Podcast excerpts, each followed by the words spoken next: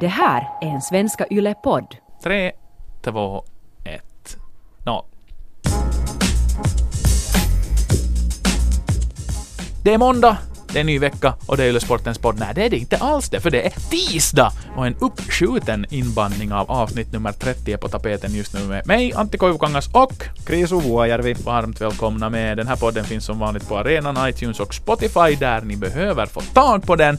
Och idag ska vi prata ganska mycket om fotboll, men före vi går sakerna så där Get ahead of ourselves ska vi Mm. inte göra. Så kanske vi åtminstone tar några artighetsfraser. Chris, hur har du haft det? Jag Vi har inte hörts på länge. Nej, och jag är oerhört glad att du är tillbaka för att någonstans så, så vi vet varandra vi känner varandra och vi vet hur vi vill att den här podden ska låta så att uh, skönt att ha dig tillbaka. Vad, vad har du sysslat med? Det, ja, det som heter höstlov i Österbotten. Mm. Uh, jag har tagit ut lite semester och, och, och faktiskt haft, haft det ganska, ganska så nice. Inte några långa resor på agendan under höstlovet. Vi var till Tammerfors en sväng, vilket är roligt roligt det också. Jag tyckte det var skönt att, att eh, uh, Niko Alexander, som fyller 10 år idag, grattis bara, äh, ville ha äh, en, spe- en spelskjorta från Tammerfors. Men det var inte vilken som helst utan han var sån där ex- Tampereella har någon ligagäng. Så jag sa ja. äh, och så var han så att han ville ha Ilves spelskjorta. Så kollade jag med Tony Hevonkorpi som en gammal bekant från Jakobstad att var kan vi få tag på dem. Så, så, så nu går han omkring med en Ilves spelskjorta. Idag var det i och för sig för att glädja dig en Eden Hazard blå tröja. Men, Yes. men han har nu också en Ilves-tröja, vilket jag tycker är lite coolt. Nu har han två ligalagströjor och han har ju blivit av någon märklig anledning en samlare han också. Ja, Ilves väldigt anrikt och, och någonstans ändå med tanke på resurserna så gjort en alldeles förträfflig säsong, tycker jag. absolut, Absolut, absolut. Hej, veckoslutets eh, behållning kan jag fortfarande inte släppa. Det var ju så otroligt roligt. Jag satt och eh, jobbade med ett manus för ett annat projekt och, och så måste jag bara plocka fram telefonen och börja följa med Austin! Austin, Texas! En Vitsi, vad fantastisk stad. Ja ja, men alltså, det, det hände ju det där. Jag minns för några poddavsnitt sedan då vi pratade om Kimi Räikkönen att det enda jag önskade av hans av sista tid vid Ferrari var att han skulle få, han skulle få vinna ett race och nu fick han det och det kändes nog sjukt bra. Jo, och någonstans så vill man ju nu skänka en tanke också till, till Ferraris ledning. Det här har ju minsann varit uppe på tapeten. Inget illa om Charles Leclerc som, som ersätter Räikkönen i Ferrari, men nu är ju hans marknadsvärde på en helt annan nivå än Kimis. Och Kimi som nu levererar en seger och har hållit ganska samma takt vad beträffar poäng som eh, Sebastian Vettel den här säsongen. Det är väl ungefär 50 poäng som Mm. skiljer dem åt. Och här tycker jag att vi ska komma ihåg i sammanhanget att, att uh, Räikkönen har varit den här hjälpryttaren hela vägen och, och dessutom har ju Ferrari klåpat en del med sina taktiska beslut. Och Det känns ju som att Räikkönen har förlorat mer än Vettel så att sådär ur ett finländskt perspektiv så har ju differensen mellan Vettel och Räikkönen inte varit sådär jättestor. Okej, Vettel är, i regel snabbare i kvalen men Räikkönen jämfört med hur, hur läget var för ett år sedan så har han ju gjort fantastiska framsteg och åh vad roligt! Ja, verkligen. Och sen ger han ju hopp åt oss gamla filurer då han vid sin ålder ännu Mm. kan dominera. Lite sådär som du och jag, vet du. Att Nå, vi är ju ja. som Yle-sportens Kimi Räikkönen. Ja, ka- kanske snarare som Fernando Alonso, borde lägga av kanske.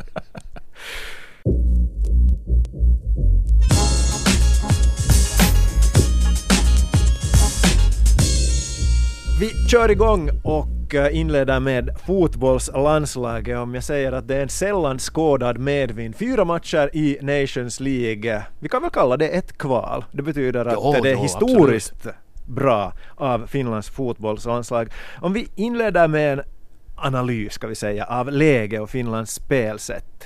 Vad vill du lyfta fram av eh, Markku Kanervas lag under den här hösten? Jag måste alldeles snabbt gå tillbaka till rötterna och kolla in den där, den där eh, Finlands divisions, hur upplägget var, det vill säga man pratar ju alltid om lottningskorgar när man pratar om kval och så kolla bara snabbt att, att visst var det så att, att vi var ganska bleka i jämförelse, det var vi ju.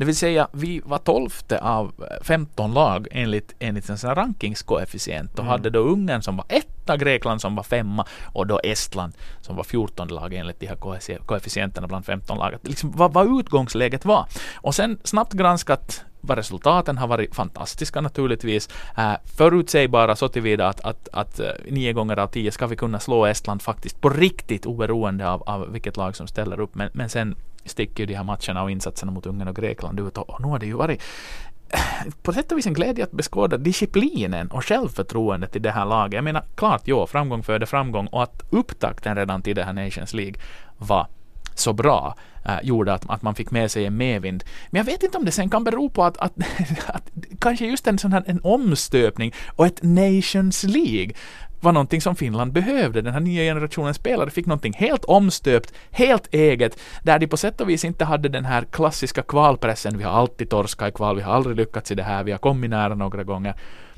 Helt på ny kula, ny tränare, ny gammal i och för sig, väldigt bekant för många spelare. Och att sen leverera med en renodlad spelidé som är ganska, som är ganska enkel. Det är ju inte liksom några extra krusiduller där. Det är ganska tydligt vad allas roller är. Uh, så, så, så det har nog varit den stora behållningen. Rent taktiskt så, så, så är det ju banalt ibland hur, hur enkelt och rätlinjigt Finland spelar. Och sen är det ju en jättefjäder i hatten för defensiv fotboll, det sätt på vilket Finland har försvarat sig och framförallt med, med Lukas Radecki som sista utpost. Så att mm. äh, det, det är kul. Cool. Ja, jag, jag funderar alltid sådär, mycket i mitt liv går enligt populärkultur och, och, och någonstans så tycker jag att, att Finlands landslag just nu är en kombination av Steven Seagal i den här 90-tals kultklassikern Hard to kill, det vill Oj. säga Finland är svåra att besegra, och lite som John McClane, det vill säga Bruce Willis i Die Hard också, det vill säga obehagliga att möta. Mm. Jag tror att lag som lag inte gillar att möta Finland på det sätt som Finland spelar idag. Alltså jag är jätteimponerad. Den här 2-0-segern över Grekland som var något av det bästa jag sett av Finlands fotbollslandslag någonsin egentligen. Mm. För det här kommer ju förstås alltid då och då, de här fina resultaten och den här gyllene generationen spelar bra. Visst var det du som var på plats då under Roy Hodgsons ledning som besegrade Finland Polen i Bydgoszcz? Japp, inledde kvalet med en mm. 3-1-seger 3 dessutom. 3 Det refererades från ett, ett läktartak. Men, men sådär spelmässigt om jag inte kommer helt ihåg, fel ihåg, så då var nog Finland i underläge. Ja, jo, jo. Och att, att det här som man presterar mot Grekland var någonstans lite unikt. Det, det var absolut inte fel att Finland vann. Finland kunde, kunde ha vunnit, vunnit den där matchen till och, till och med större.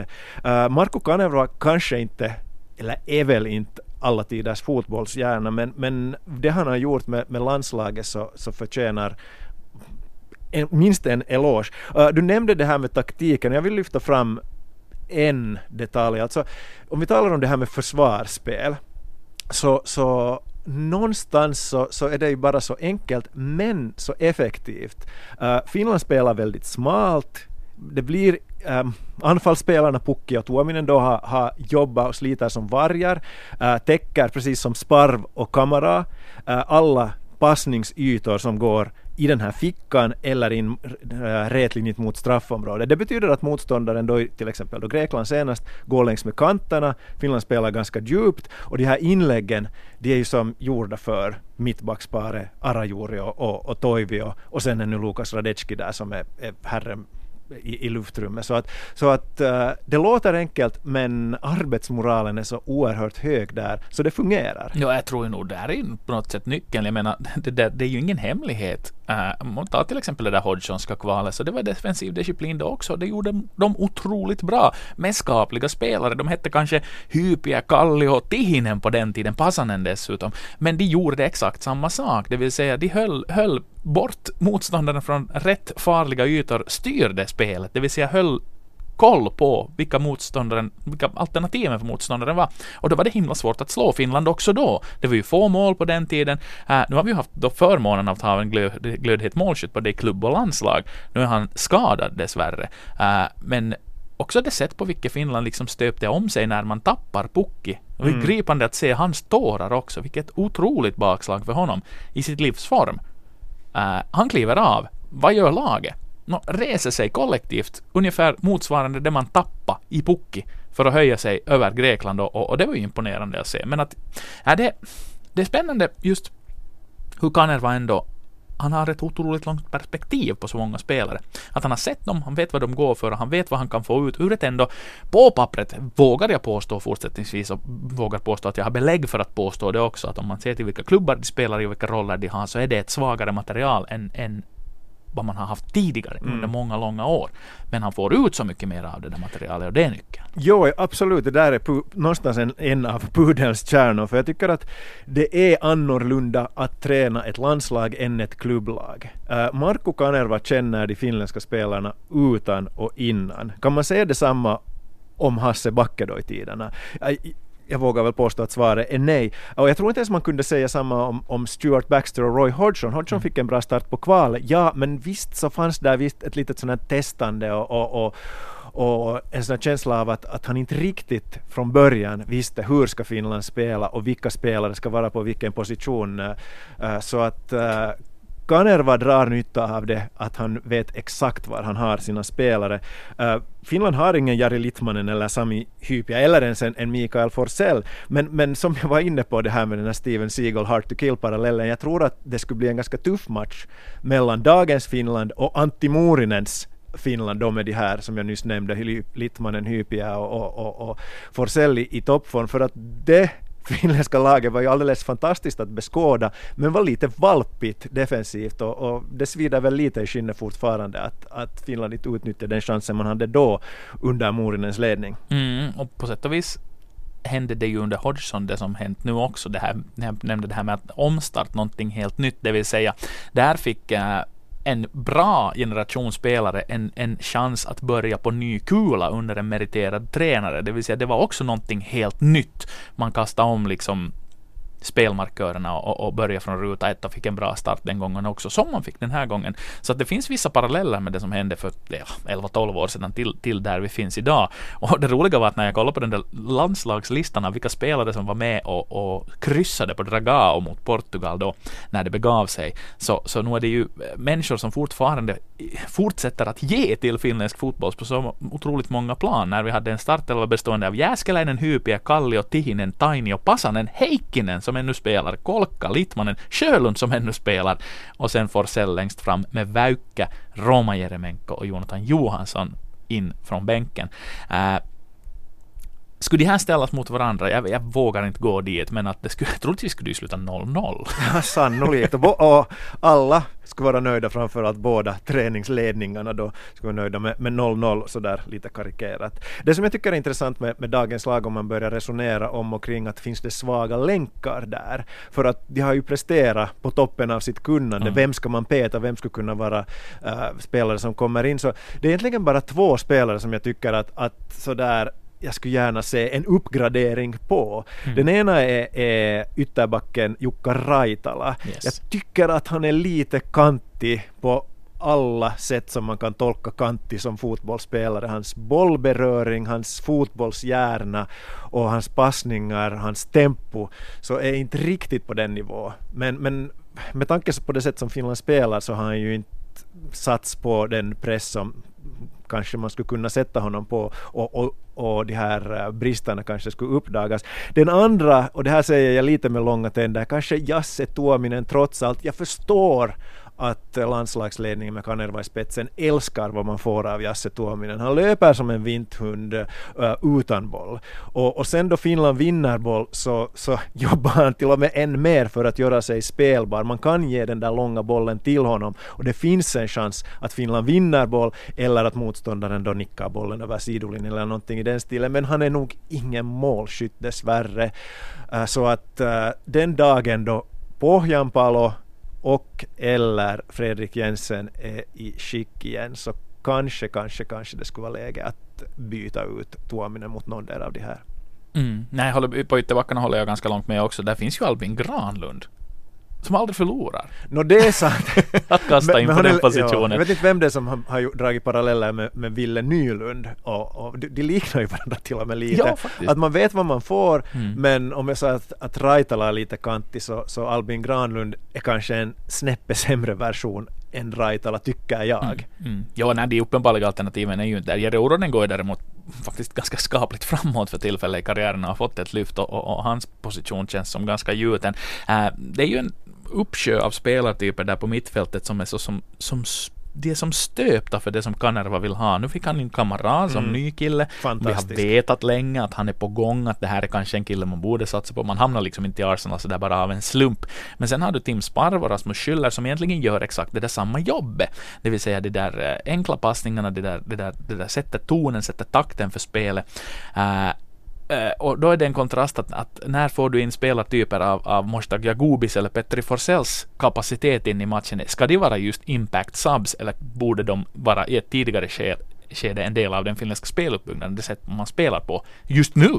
är det ju helt uppenbart med fast på hand att svaret är nej. De ska inte egentligen vara på plan överhuvudtaget, annat än just som att de kommer in för att, för att avbelasta för att äh, med Kamara den, den om, om vi nu ändå utgår från att nu har han gjort en jättebra A-landskamp. Är det Och hans ett sanna bra nivå? inhopp också mot, mot Estland. Ja, men jag håller, jag håller nog den där Greklandsmatchen som att det, det, det var hans coming of age. Nu har Absolut. vi ett jätteväntevärde på honom. Tim Sparv vet vi vad vi får och hur länge får vi det. Och sen med Rasmus Schüller så, så är det lite in och ut. Han, ibland får han den där startrollen, sen är det just han som petas till förmån för Kamara. Att, att, att de där spelartyperna rullar runt och, och de, de, de skapar ryggrad och balans i den här 4-4-2 som Finland spelar med. Målvaktspositionen är ju härlig just nu för tillfället. Till exempel att du har Radetski som backas upp av en Joronen dessutom gör ju mig personligen glad.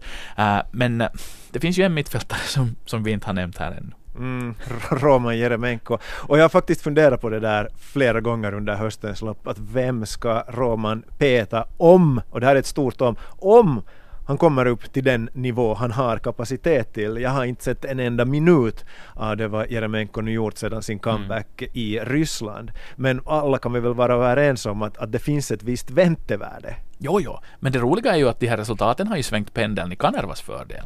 Absolut. Att om, ska vi säga där när kvalet höll på att inledas, eller Euro- Nations League då, så, så var det lite sådär att, att oj, oj, oj, att, att, att, att behövs nu en Roman Jeremenko, hans spetskompetens behövs nu. Så kommer Kanerva fram och dunkar in ett mittfält som levererar resultat och, och toppar gruppen och är liksom en poäng från att, att, att vinna gruppen. Så nu kan Marko Kanerva luta sig tillbaka och faktiskt med patos och, och, och liksom lite tyngd säga att nå, det är Roman Jeremenko som berättar själv om sin landslagsframtid. Han behöver absolut inte böna och be, tvärtom. Han har ett lyxläge för tillfället. Och därför blir det på sätt och vis mer och mer pinsamt ju längre Roman Jeremenkos beslut dröjer. För att han har ju på sätt och vis lite, så som det ser ut just nu, blivit överflödig. Mm, sant, men äh, här tycker jag att, att Kanerva nu då han har trumf på hand skulle kunna utnyttja det här läget och säga till Jeremenko inför de här kommande landskamperna att det finns 23 platser i truppen, du seglar definitivt inte i startelvan, jag garanterar in, inte ens en enda minut, men kom till landslagslägre, kom till de här matcherna, visa upp dig på träningarna, visa vilken inställning du har. Och så står dörren eventuellt öppen i fortsättningen. Och, och då om Jeremenko säger nej, då är ju saken avklarad. Då Ja, kan, kan Kanerva gå ut också och säga att, att han har haft ett, en ärlig diskussion med Roman, han tackar nej och that's it. Sen om vi spekulerar vidare, om Roman Jeremenko visar sig på styva linan, spelar sig i form, vem ska han peta för att nu är han en, en sån talang att han ska ha kapacitet att spela i Finlands startelva. Och faktum är att den enda, den enda namnet om Kamara spelar på den nivån han gör mot Grekland är faktiskt Tim Sparv. Ja, gamla träningspolare. Mm. För, för, att, för att Kamara och Tim Sparv är ganska snarlika. De har en fantastisk fotbollshjärna. Det, det, de vet vart de ska sätta, de vet hur, passningen, de vet hur de ska placera sig. Men Kamara är kvickare på fötterna, Mm. helt enkelt. Tio år gör nog skillnad. Jo, och, och Tim Sparv han är lång och gänglig och har ett, ett, ett steg i sig. Men det där, den där rappheten, den har, den har han ju aldrig haft på samma sätt som Kamara har haft. Nej, det är diesel hela vägen, men oj de där ledaregenskaperna. Jo, och den där, den där auran som han inte, också i, utanför plan och på plan. Det är nog liksom, och här tror jag Marko Kanerva nog har en sjukt lång funderare att ta, för att rent fotbollsmässigt har du 100% rätt. Det vill säga, är det någon som petas därifrån så är det Tim Sparv. Och jag är helt säker på att, att Sparv inte blir petad. Men, men sådär att, att äh, så här kunde man resonera. Exakt, exakt. Men jag vill säga en sak till om, om landslaget och, och någonstans så tycker jag att en spelare som inte har fått tillräckligt med cred, tillräckligt med hyllningar under Okej. den här hösten. Shoot. För det har ju handlat mycket om, om just Kamara efter Grekland, det har handlat om, om, om Radetski och hela försvaret och, och Teemu Pukki som är just in mål, med all rätta. Men jag tycker att Robin Lod har varit så fantastiskt bra. Och, och framförallt mot Grekland. Eh, då han blev flyttad in centralt så var jag så att, ah, att han har ju varit så bra där på kanten, att, att vad sysslar han med nu riktigt? Men, men han tog ju för sig och var än bättre då han spelade sådär som en, en offensiv innermittfältare och Simon Skrabb kom in sedan på, och, som, som den här ytter. Så att, så att Robin Lod, oberoende var han spelar, fantastisk. Och då Lod spelar på ena kanten, Pyry Soiri på den andra. Och vi har gjort de här jämförelserna med den gyllene generationen. Så, så jag tycker att den håller nästan samma nivå som en duo Kolka Nurmela, just nu i alla fall. Mm. Men lite problem har jag nog fortsättningsvis med den här termen gyllene generation. För den baserar nog sig nog på att den generationen ska nog ha vunnit någonting. Mm, Så man ja, borde liksom kanske liksom, vi väntar nog fortsättningsvis på vår gyllene generation. Och det är ju inte den här generationen. Den här kan vara en resultatbringande generation. Men rent spelarmässigt så som gyllene generationer beskrivs så, så, så, så är det här ju inte, det här har inte ens potential att i närheten heller bli en sån. Men det kan vara ett kollektiv som går långt och skapar ett resultat som vi aldrig har uppnått förr. Jo, så, nej, jag tycker att det var en gyllene generation för det handlar inte bara om landslaget utan också vad de här spelarna gjorde i Europa. Sami Hypie vann Champions League och var kapten för Liverpool. Jari Littmanen behöver man inte nämna desto mer. Mikael Forsell var, var, var en av de bästa målskyttarna i Premier League. Portugal talar ju om en gyllene generation då de hade de här Luis Figo och så vidare. De vann aldrig det där riktigt stora priset. Belgien har ju talat om att man har nu sin gyllene generation. VM-brons, är det nog för Ja, att, det att vinna? ja, men du förstår det här resonemanget att, Ja, ja, ja. att eh, det var en spelargeneration som var, åtminstone var unik. Ska vi komma överens om det? Den som Finland hade där kring millennieskiftet. Spetsen, spetsen, spetsen var unik. Det kan jag hålla med om. Men, men, men det här, eh, ta till exempel det Portugal som nu äh, vann EM guld som ju blev deras gyllene generation. Mm. Rent i, i resultatmått mätt. Så all heder åt ett kollektiv som gjorde ett jättebra jobb som dessutom fixade finalen utan den absolut mest kompetenta spjutspetsen på plan. Så att, att nåja, det, Och i sammanhanget ska ju alltid Grekland nämnas. Redan de gamla grekerna.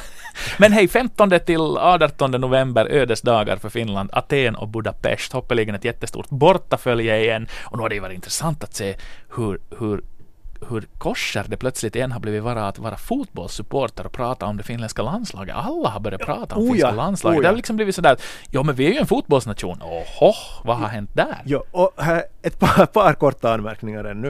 Uh, för det första det här med att, att uh, vi ser ju hela tiden, vi som jobbar till exempel med Ylesportens webb, vad det konkreta intresset är, för vi ser hela tiden hur många läser uh, de artiklar vi producerar och vilket lyft det har blivit för, för fotbollslandslagsartiklarna. Det handlar inte bara om resultatartiklar, det handlar inte bara om matchanalyser, utan allt som handlar om fotbollslandslaget är plötsligt ganska hett stoff. Och det andra jag vill säga är att Finland om man vinner gruppen så avancerar ju till Nations Leagues B-division.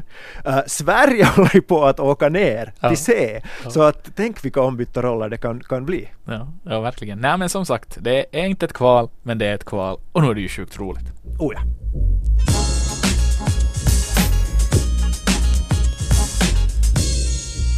Vi ägnar den andra halvleken av Yle Sportens podd idag tillsammans med Chris Oervi och mig Antti Koivukangas åt att prata lite inhemsk seriefotboll. Slutraka som gäller för tillfället och vi har ett mästarlag på här sidan. Vi har eh, medaljerna utdelade på damsidan. Eh, jag måste Chris och ägna mig åt att kolla att hur var det nu igen med ligatips den här säsongen? att var det liksom så fullständigt övertygat som jag kom ihåg och, och av 463 inlämnade tipsrader så var det bara 31 stycken som hade någon annan på mästarposition än HJK. Det var en enda människa där ute som hade tippat dem ens utanför pallen. Det blir förutsägbart är väl ordet.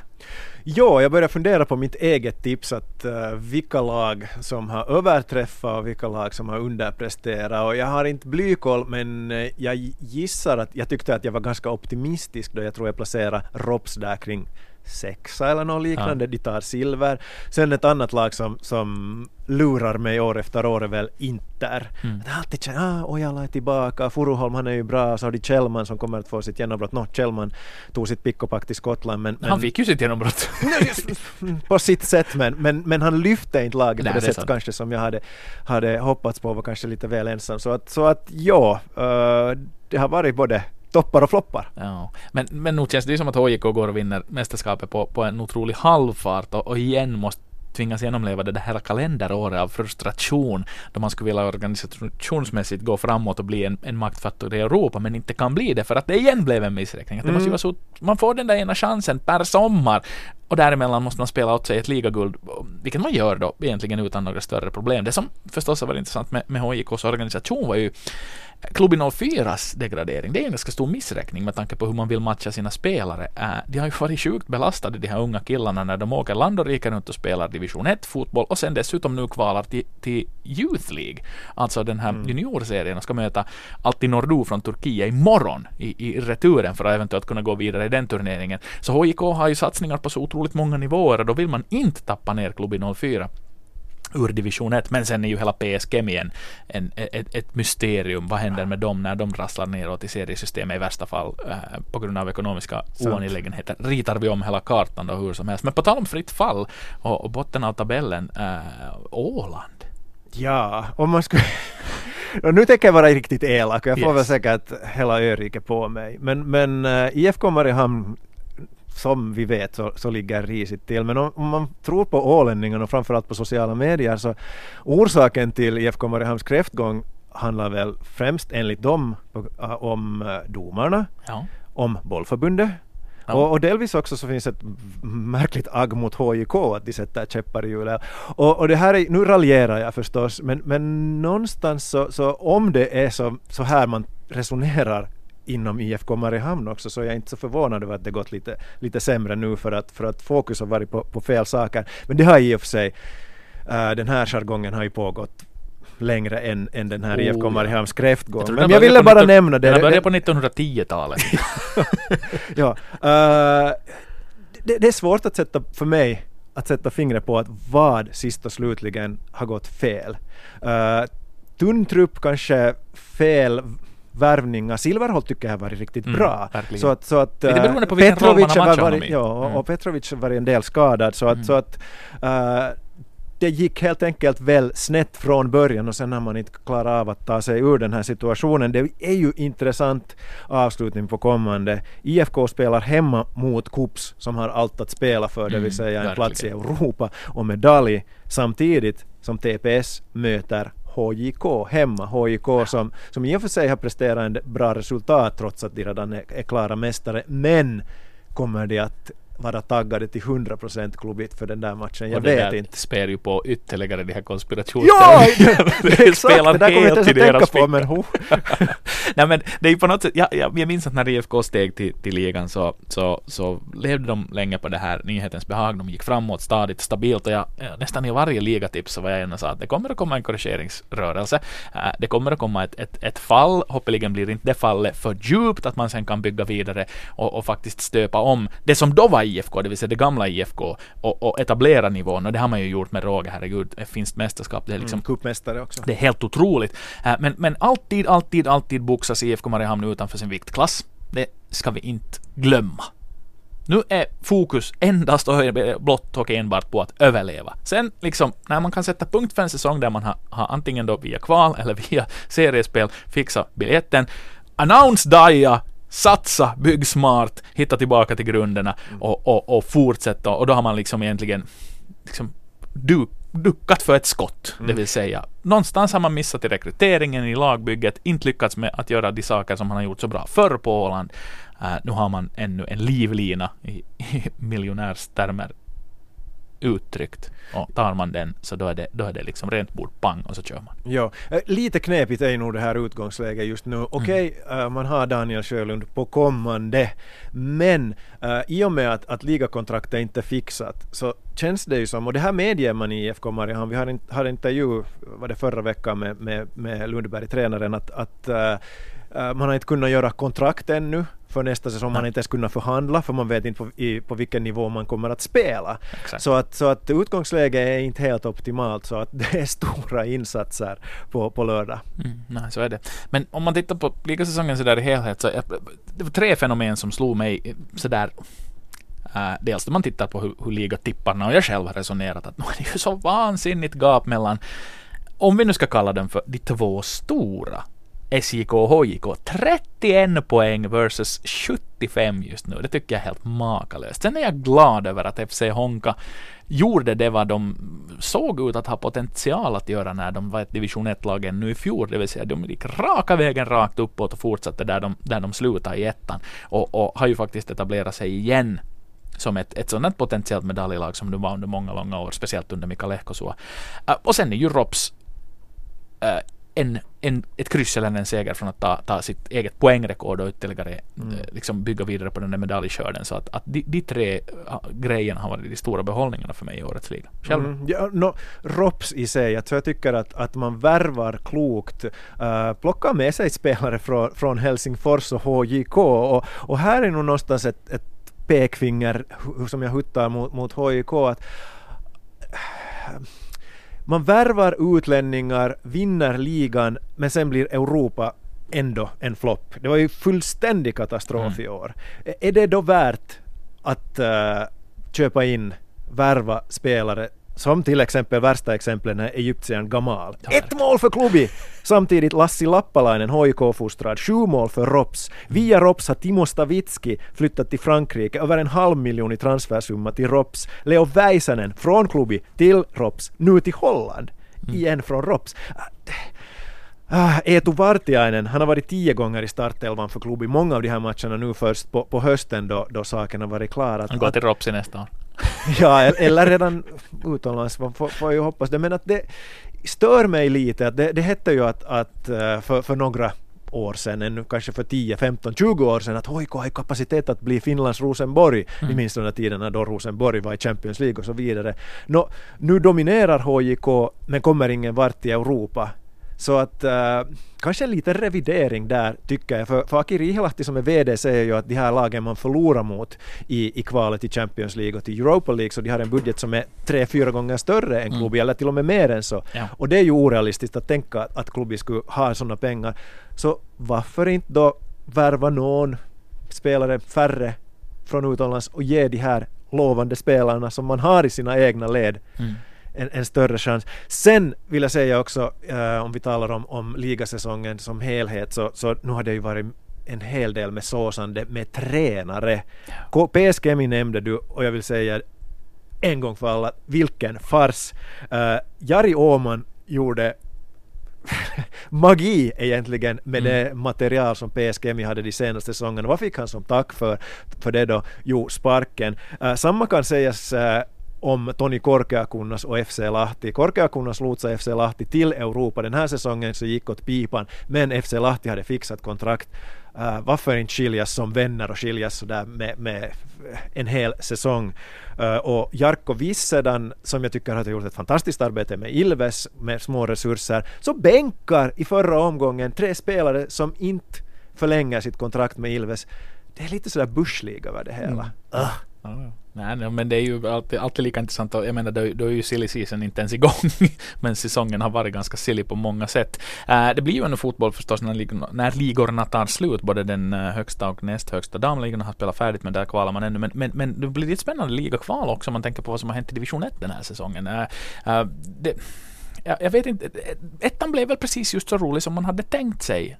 Två lag inne på slutrakan i och för sig. Jag hade trott det skulle vara flera. Jag hade aldrig i livet trott att Ekenäs IF skulle vara där, så hatten av för dem, mm. trots att de har haft sina utmaningar den här säsongen äh, som förening. Men, men resultatmässigt, wow! Äh, kan man bygga vidare på det här? Kan man värva lite smart där? Det är inte så omöjligt att värva spelare att spela fotboll i Ekenäs äh, med huvudstadsregionen i närheten där så, så, så det kan ju bli hur bra som helst. KPV, oh, vad händer där?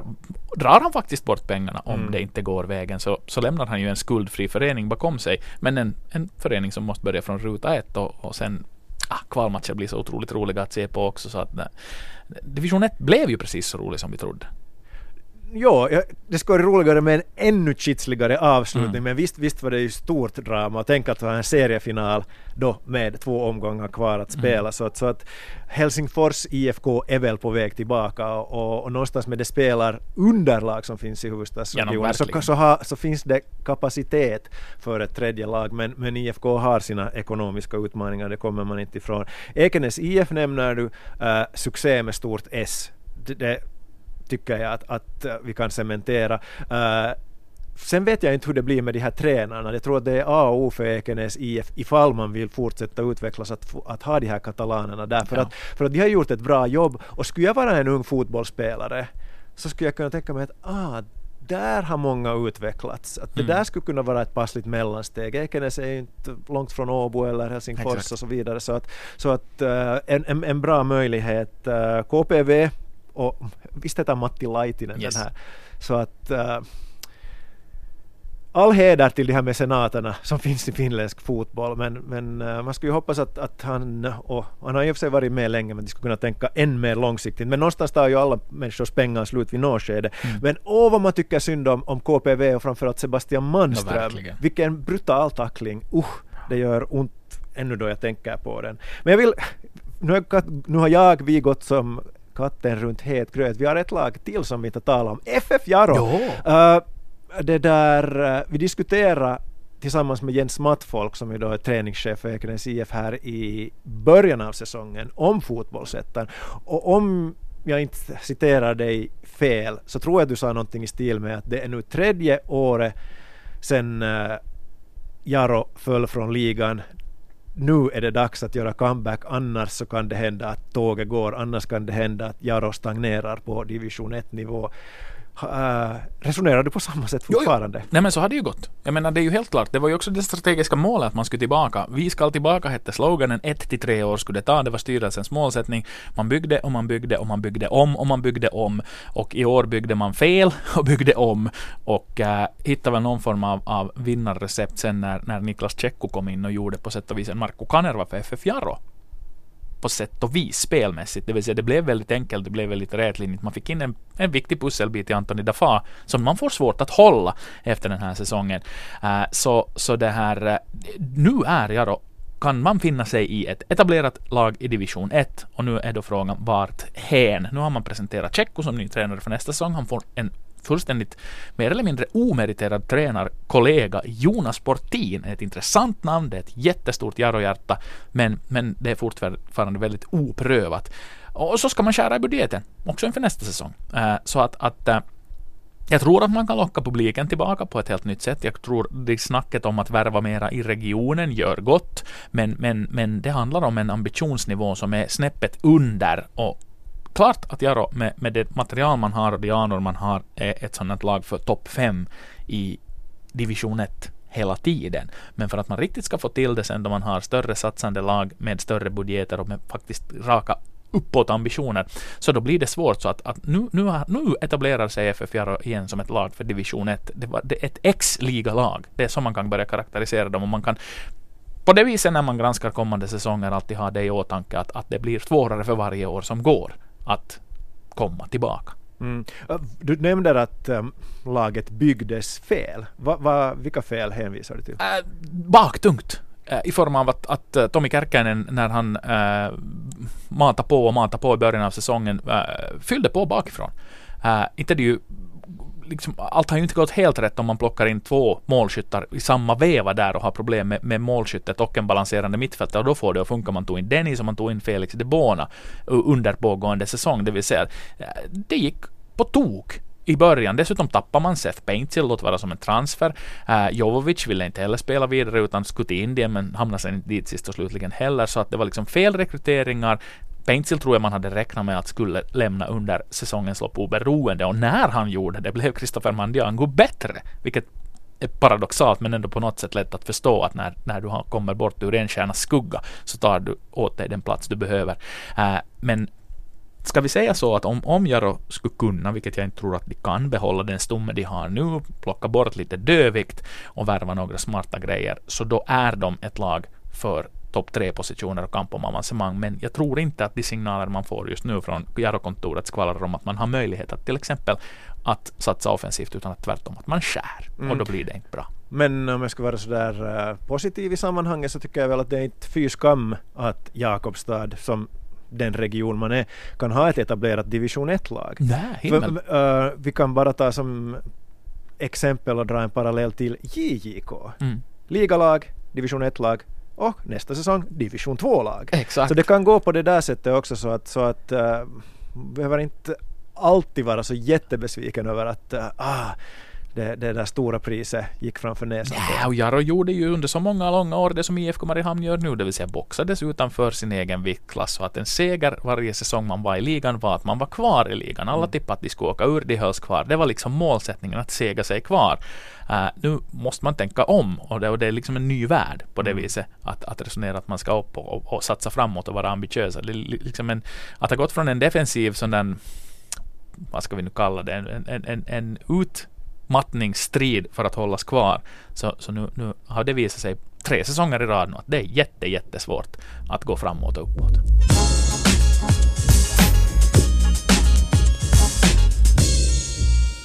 Sist och kanske minst den tredje halvleken. Eh, en fritt formulerad fråga. Är det okej Antti om jag inleder? Absolut. Eh, Jag håller på att kolla via Netflix på en eh, amerikansk tv-serie som heter American Horror Story och jag är besviken på mig själv att jag inte har hittat den tidigare men glad över att jag har hittat den eh, i tv-serieformat som en ganska klassisk skräck.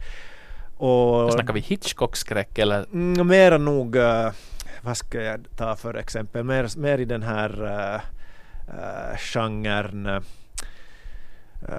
Haunted House, alltså Okej. spökhus och så Mm. vidare. Men eh, hur som helst, det fick mig att tänka på, på skräckfilmer. Eh, vilken är den bästa skräckfilmen genom tiderna? Au, den som satt mest spår i mig är en film jag fortfarande inte har vågat titta på igen. Uh, Carrie Oj, halkar jag ja. in på någon gång i tiderna. Och, och jag, har inte, alltså jag har inte sett den i sin helhet. Det här är alltså ett barndomstrauma. Så den måste ha varit grym. För jag har fortfarande obehag. Alltså jag, har inte, jag, har inte, jag har inte vågat se 76-versionen av den på nytt. För att de, de, den skrämde livet av mig då. Det var, det var liksom, det var hemskt. Uh, men sett i modern tid så en sån där skräckfilm som gjorde ett, ett ganska starkt intryck på mig när, när jag såg den. Uh, så The Ring tyckte jag Ja. om. Jag tyckte den var magiskt skriven och, och, och så obehaglig att man till, till och med måste fota sig själv under pågående läffa. Men det här var en bra fråga. Det här ska jag karaktärisera i våra poddsammanhang som en, en Janne Karinkanta-fråga. Äh, men vilket är ditt svar då? Du har den här serien nu, men, men är, den, är det någon klassiker? Mm, nå, nu, jag hade den ett klart svar men nu blev jag osäker då du nämnde Carrie. Det är inte den film som jag, som jag tänker på utan en annan Stephen King-filmatisering. Shining. Oh. Jag hade lite samma erfarenheter då jag tittade på den som, som typ tonåring hemma och det regnade och kanske åskade utanför. Alltså herregud de här barnen, eller när han åkte sin trehjuling där i Mm. det här öde hotellet och, och. Ja, precis, och sen, sen sa den här mannen som tog emot dem att just don't go to room eller 311 eller någonting Mm. och så stannade han utanför. Det, uff, det ger mig kalla kårar fortfarande. Uh, The Ring är också ett bra alternativ, definitivt i topp fem. Men den skräckfilm som kanske ändå satt mest spår eller som jag tyckte var obehagligast är den här The Grudge. Och precis som The Ring Mm. en eh, amerikansk eller en Hollywood-version av en skräckfilm från Japan. Ja. Och den här ursprungsversionen lär också ha varit så obehaglig. Och det här är bara rykten men jag säger det i alla fall. Det är säkert en, en, en myt att en, en kvinna hade fått missfall då hon hade tittat på The Grudge och den här originalversionen i Japan. Men, Mm. men den tyckte jag nog att var så fruktansvärt obehaglig. Okej, jag skriver just ner den här listan på listan Don't see-film. Hej, eh, min, min fråga. Eh, jag nämnde tidigare i podden att, att, att min, min äldste son fyller år och eh, när man får barn så ska man ju döpa dem också till någonting och eh, det, det sätter ju sina spår. De följer ju med dem eh, för evigt. Eller inte. De kan ju byta namn. Precis. Eh, om du skulle få byta förnamn, vad skulle du byta till? Nu ska vi väl avslöja att, att vi har någon form av manus och eh, du skickade här, den här frågan åt mig för ett par timmar sedan och jag funderade länge och kom eh, fram till att jag vill ha ett roligt namn. Och jag eh, gör mycket kopplingar i mitt liv till eh, populärkultur och från filmen Meet the Parents. Tänk om jag Oh. skulle heta Gaylord Vuojärvi. Ja, Kanske ännu som andra namn. Gaylord, Gaylord Moses Vuojärvi. Det skulle vara ganska häftigt va? Helt okej, helt okej, bra. Eh, jag, jag var, eftersom jag spelar mycket rollspel, uh, sådana här traditionella rollspel uh, som också var uppe i Ted och Kai-podden här för inte så länge sedan, så, eh, så då skulle man ju ge sina namn karaktär, karaktärsnamn. Och, och då valde jag nästan alltid fyra stavelser i namnen. Det skulle vara liksom längre klingande namnet, mitt korta Antti. Så jag hade sådana favoriter som att min, min, min alv kunde heta Nathaniel. Okej. Eller Sebastian. Men sen kom jag fram till att nå, mm, för att hålla, hålla mig till släktens traditioner så, så det fanns egentligen bara två alternativ för mina föräldrar eh, när de namngav mig. Eh, en son född i den Koivukangaska ätten från en by i Evijärvi. Eh, det fanns Antti eh, och så fanns det Matti. det var de två karranamnen som hade funnits typ sedan 1500-talet. Så att Mat- Matti skulle ha varit mitt andra alternativ. Mm. Antti och Matti Koivukangas. Matti Koivukangas. Det skulle inte ha varit så stor skillnad. Det skulle funka riktigt bra. Tror folk bra. skulle kanske veta nu heller fast jag skulle ändra. Men ingen skulle blanda ihop dig som vår chef Johan Portin eller var det så att han lite skojar med att, att eh, du, du och ditt namn är ungefär som Anssi Koivuranta och Antti Koivukangas. Det har hänt också men då brukar vi förväxla vår chef med Jonas Portin så att det har liksom Ja. gått andra vägen sen. Hej tack Risu för sällskapet. Tack. Det här var roligt. Det här är tisdag. Det här är tisdag. Vad gör vi nästa vecka? Poddar. Mm. Måndag eller tisdag? Det, får, det återstår att se men podden finns alltid på arenan, iTunes eller på Spotify.